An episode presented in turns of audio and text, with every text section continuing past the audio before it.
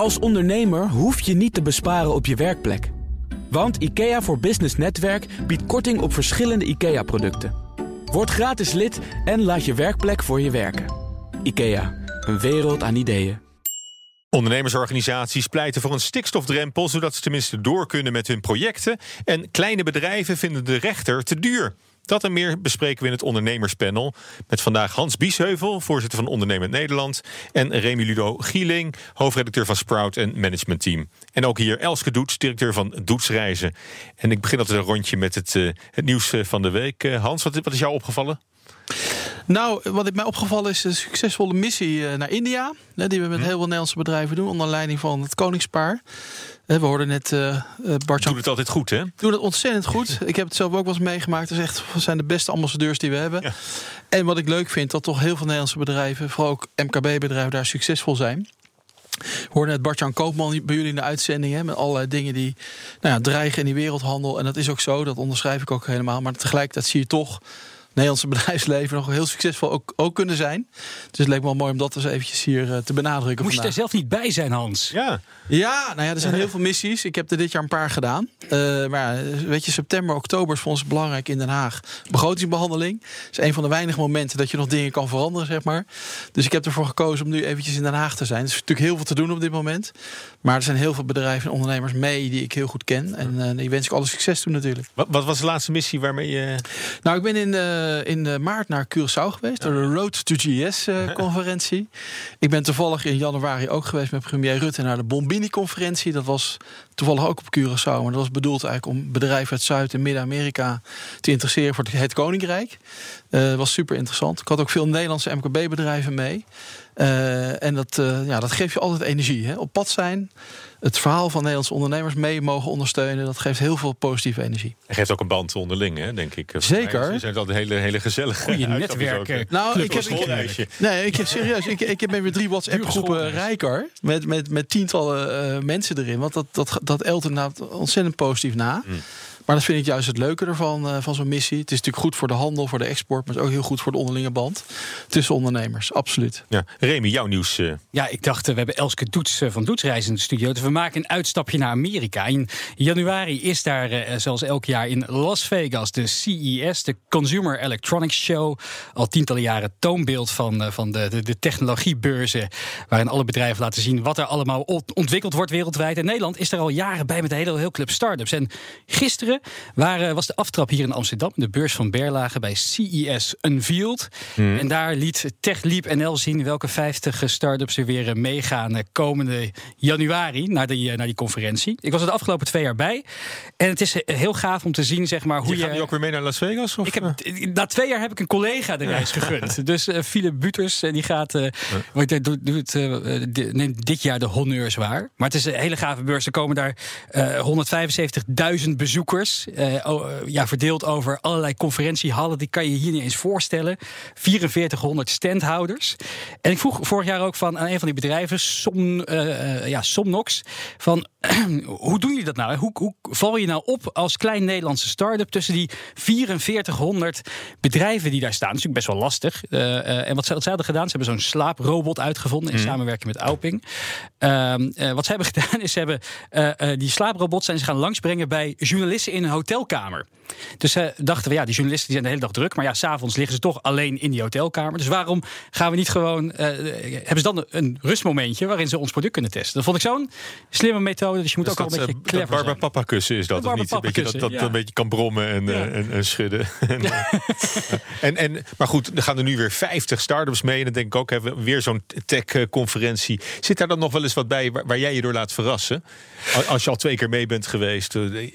Nou, het, is, het, het, wordt steeds moeilijker om wat nieuws te verzinnen. Dat, natuurlijk. Is, dat is zeker waar. Maar bijvoorbeeld vorig jaar, kan ik kan me nog herinneren, had ik een lezing van Uber over hun uh, plan voor zelfvliegende elektrische taxis. Ja. ja dat was dus natuurlijk nog. Die zien we nu overal dus in het straatbeeld. ja, als je naar buiten kijkt, moet je oppassen dat er niet zo'n ding op je kop uh, flikkert. Nee, uh, dat is natuurlijk plannen over tientallen jaren wat een keer uitkomt. Maar je, je wordt wel geïnspireerd over wat er wellicht mogelijk gaat zijn over, over Ja. Lange, lange tijd. Inspirerend is het zeker. En het is, het is weer op reis. Elske, jij... Uh, Dank je, Rewi. Weet je, Amerika promoten, met z'n allen. dat is heel goed, heel goed. Ja, ik, ik wil dat even bij vliegen houden. Vandaag staat in de Telegraaf een heel mooi artikel over blijere benen aan boord. Dus het is enerzijds een aanklacht van professor Pieter Vink van de TU, TU Delft... over dat de pitch of, in het vliegen steeds kleiner, de vliegtuigen steeds kleiner wordt. Dus dat vindt hij ongezond voor uh, passagiers. Ja, daarvan zeg ik oké, eh, als je kijkt naar Europese vluchten, is dat misschien klein, maar dat zijn korte vluchten. Hè? Mhm. Je hebt het over een vlucht van een uur en je hebt het niet over een vlucht naar Las Vegas die een uurtje of tien gaat duren. Maar er staat wel een heel interessant ontwerp bij met allerlei chaises en uh, slaapcabines. Ja, de spagaat waarin we natuurlijk zitten is, wil die passagier daarvoor betalen? En dat vind ik een interessante spagaat. Want nu kan je ook al betalen hè, voor meer beenruimte. Tuurlijk, ja. Ik geloof dat Peter R. de Vries had toch getwitterd dat hij zo weinig beenruimte had ja. bij Transavia. En, ja, eh, koop dat. Was ook het verweer inderdaad van, ja, koop, koop dan wat bij.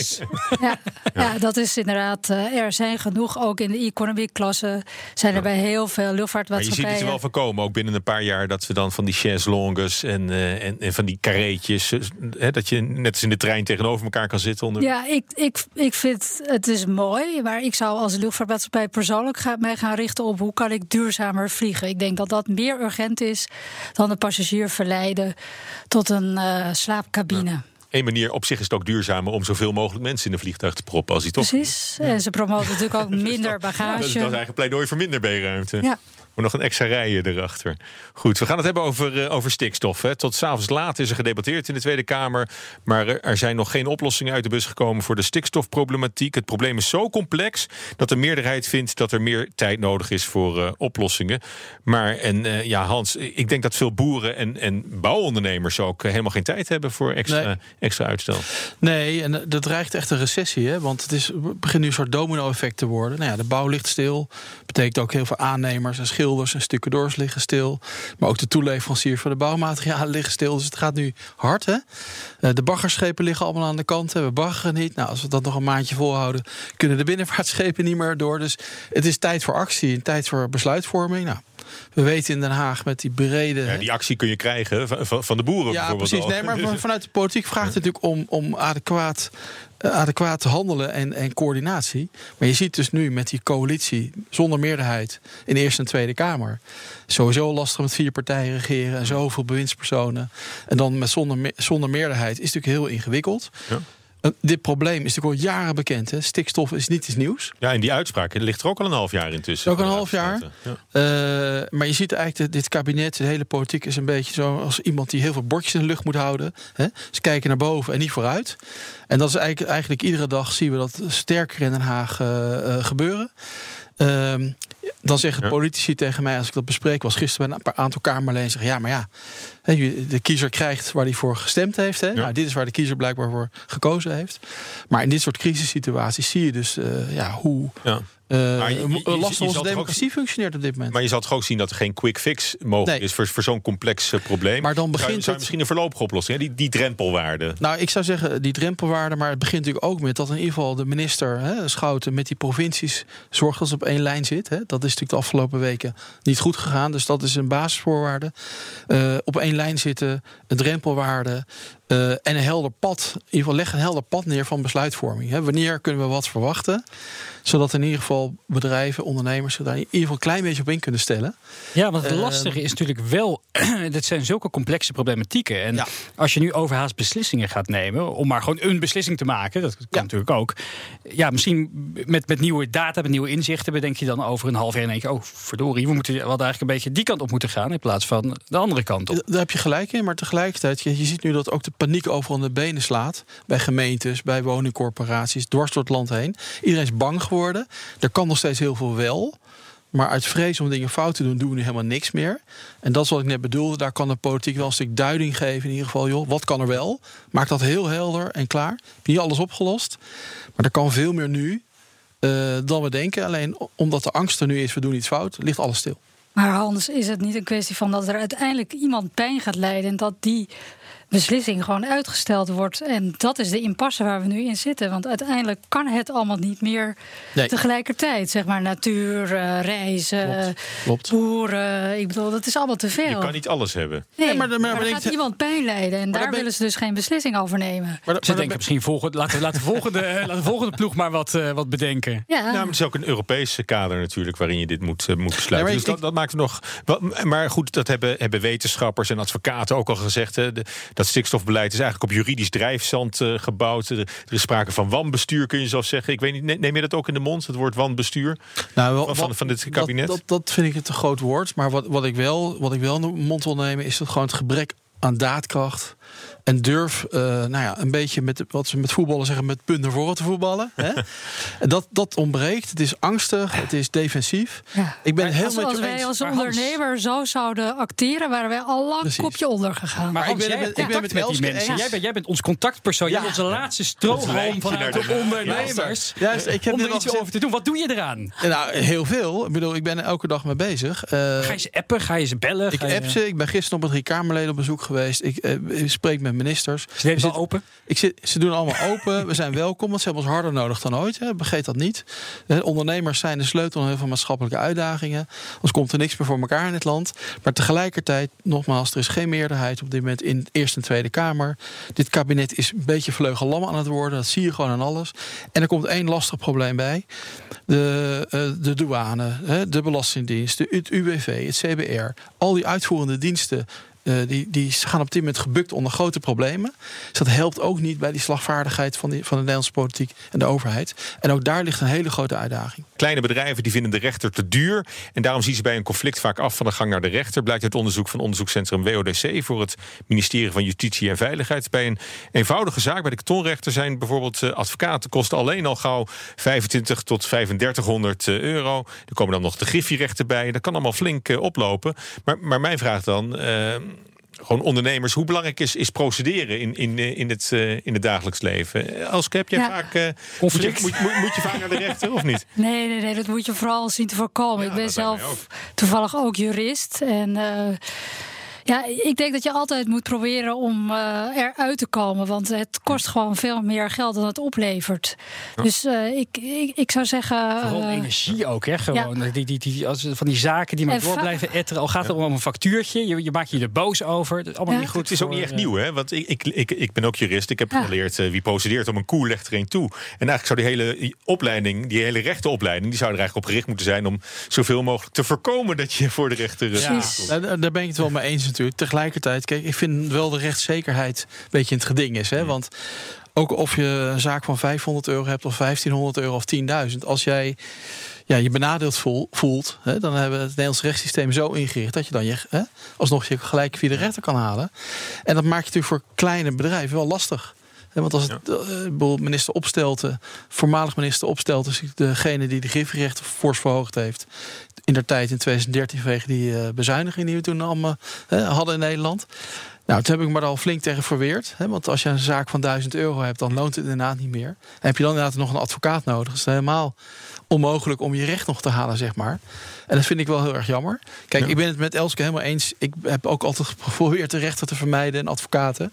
Maar soms kan je niet anders. En dan vind ik, dan moet die rechtszekerheid wel geborgd zijn. Zou Maar je kan ook een advocaat gewoon om advies vragen. En Ja. die geeft dan al richting welke kant je op moet gaan. Ook bijvoorbeeld wat voor brief je kan schrijven. En dat, dat kost je dan relatief weinig Dat of ook. niet. Het advies van advocaten is meestal, eh, nou een vordering onder de 5000 euro. Moet je nog eens heel goed nagaan of je daar wel Precies. voor. Ja, en kwaadwillenden, die, die weten dat natuurlijk ook. Iemand die er een beetje misbruik van wil maken, weet ook best dat onder de een tip, 5000 euro het eigenlijk niet zo erg loont. Dus dat ze kunnen ze best het risico nemen om, om dat, dat, eh, dat, te laten punt. uitlopen. Ik dacht wel, waarom starten we niet gewoon een soort van internetrechtspraak? Dat alles onder van al die kleine zaakjes, zeg maar tot een paar duizend euro, hoef je niet meer naar zo'n zo- naar, naar zo'n zo'n gebouw toe, hoef je niet meer allemaal al die mensen in te huren, dat gebouw te verwarmen. Eh, je dient gewoon al je documenten in online en er wordt een uitspraak gedaan door iemand eh, achter een Nou, scherm. het, het is, het is een conservatieve sector eh, natuurlijk. De hele juridische- Ja, maar Misschien creatief hoor. E-court Ja. heb je gehad. Dat, dat was wel een manier om, om daaruit te komen. Er zijn natuurlijk heel veel standaardgeschillen, misschien wel, die, die ook makkelijker kunnen worden opgelost. En, maar, ik- maar ik zit toch ook te denken: van ergens is, is zo'n drempel ook weer niet zo'n gek idee. Hè? Dat niet iedereen voor elk wisselwasje, zeg ik oneerbiedig, naar de, naar de rechter gaat. Eh, ik bedoel, de rechterlijke macht is ook overbelast eh, in, in een hoop opzichten. En dan, eh, en dan kun je misschien zeggen van ja, ik heb altijd geleerd tot tien te tellen als het ruzie werd thuis. Dan, Ja, dat is op zich e- eerst je knopen tellen en dan is het sop de kool wel waard. Ja, maar dat ben ik eens. Maar tegelijkertijd zijn er helaas heel veel ook kwaadwillende eh, mensen in, in het land. die gewoon misbruik maken van een situatie. En als MKB-ondernemer daar last van hebt.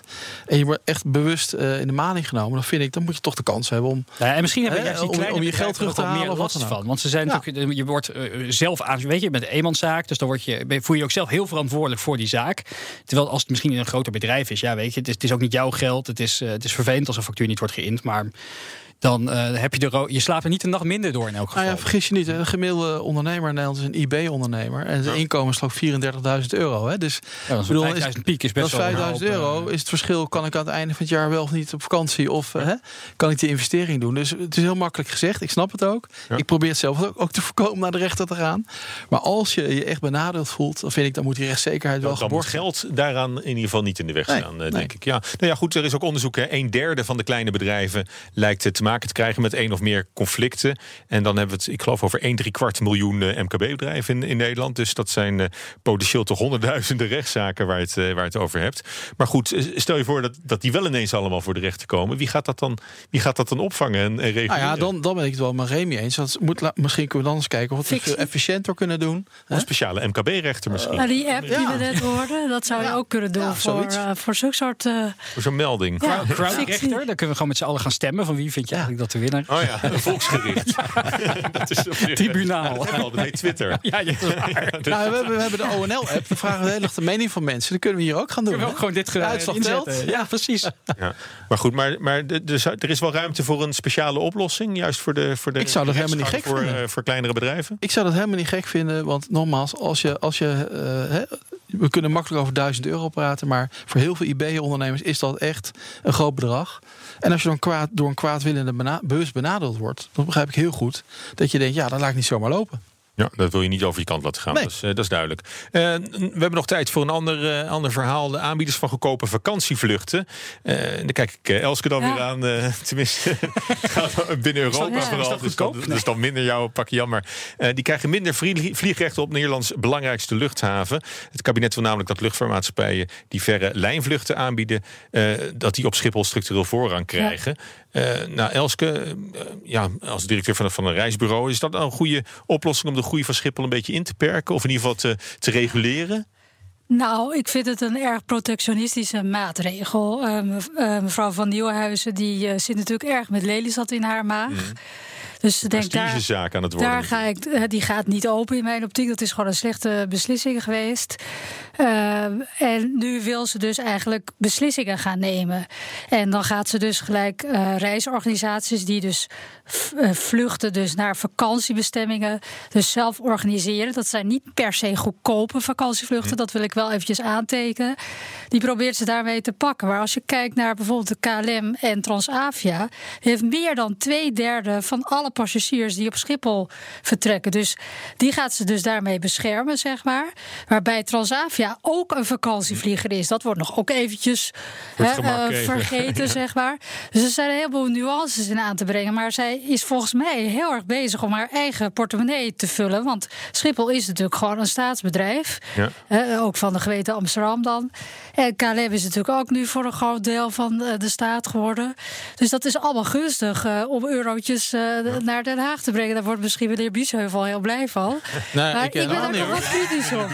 Nee. Als, als toch Ik, ik ben juist voor die vrije markt, eh Ja. Elske. Ja, want als dus, naar, eh, die, naar die luchtvaart is natuurlijk een enorm gereguleerde sector met al die, al die landingsrechten en, en die subsidies. Precies. En, eh, hoe, hoe kijk je daar nou tegenaan? Dit, dit is toch weer een soort inmenging van de overheid in, in het aanbod van. eh, Maar wat ook nog echt heel belangrijk hierin is, want dat 63% van alle passagiers van KLM en Delta, vergeet Delta Airlines ook niet, hè, dat is een belangrijke voeder. Dat zijn dus overstappassagiers. Dus daar hebben wij eigenlijk helemaal niets aan, zeg maar. En die zijn ook nog heel ja, belastend maar voor het milieu. moeten allemaal in de trein, Ja. hè? Eh, eh, snelle treinen voor reizen tot 800 kilometer. Heb je veel Europese bestemmingen. Ja. Uh, ja, dan is de, een snelle trein gewoon een alternatief. Is, is dat een reëel ding om, om dat weer nieuw leven in te blazen? Nou ja, ik, ik, denk dat, ik denk dat de investering die ze daarin gaan doen, dat is 7 miljoen, heb ik vorige week begrepen, dat dat veel te beperkt is. De Flixbus vind ik eigenlijk een veel krachtiger vervoersmiddel, want die groeit enorm. Maar kijk dus naar al die passagiers die dus transferpassagiers zijn. Die komen niet uit Europa, die komen uit Amerika, die komen uit andere continenten. Die kunnen niet met de trein. En dat zijn de passagiers die Schiphol zo mega belangrijk vindt. Daarvoor is Schiphol zo groot. Die is er echt niet voor ons hoor is alleen als hub, als overstaplocatie. Nou, dit, uh, dit, dit, was het laatste woord in deze oh, discussie. Maar uh, niet het einde daarvan, uh, ben ik bang. Dit was BNR Zaken doen voor vandaag. Ik wil jullie hartelijk danken voor jullie bijdrage aan het ondernemerspanel vandaag. Hans Biesheuvel, voorzitter van Ondernemer Nederland. Remy Ludo Gieling, hoofdredacteur van Sprout Management Team. En speciaal wordt verdankt aan Elske Doet, die mijn zakenpartner wilde zijn vandaag. Ik hoop dat je het leuk vond. Zeker. Het inrichten van je eigen zaak is best wel wat werk. Daarom biedt IKEA voor Business Netwerk 50% korting op interieuradvies. Word gratis lid en laat je werkplek voor je werken. IKEA, een wereld aan ideeën.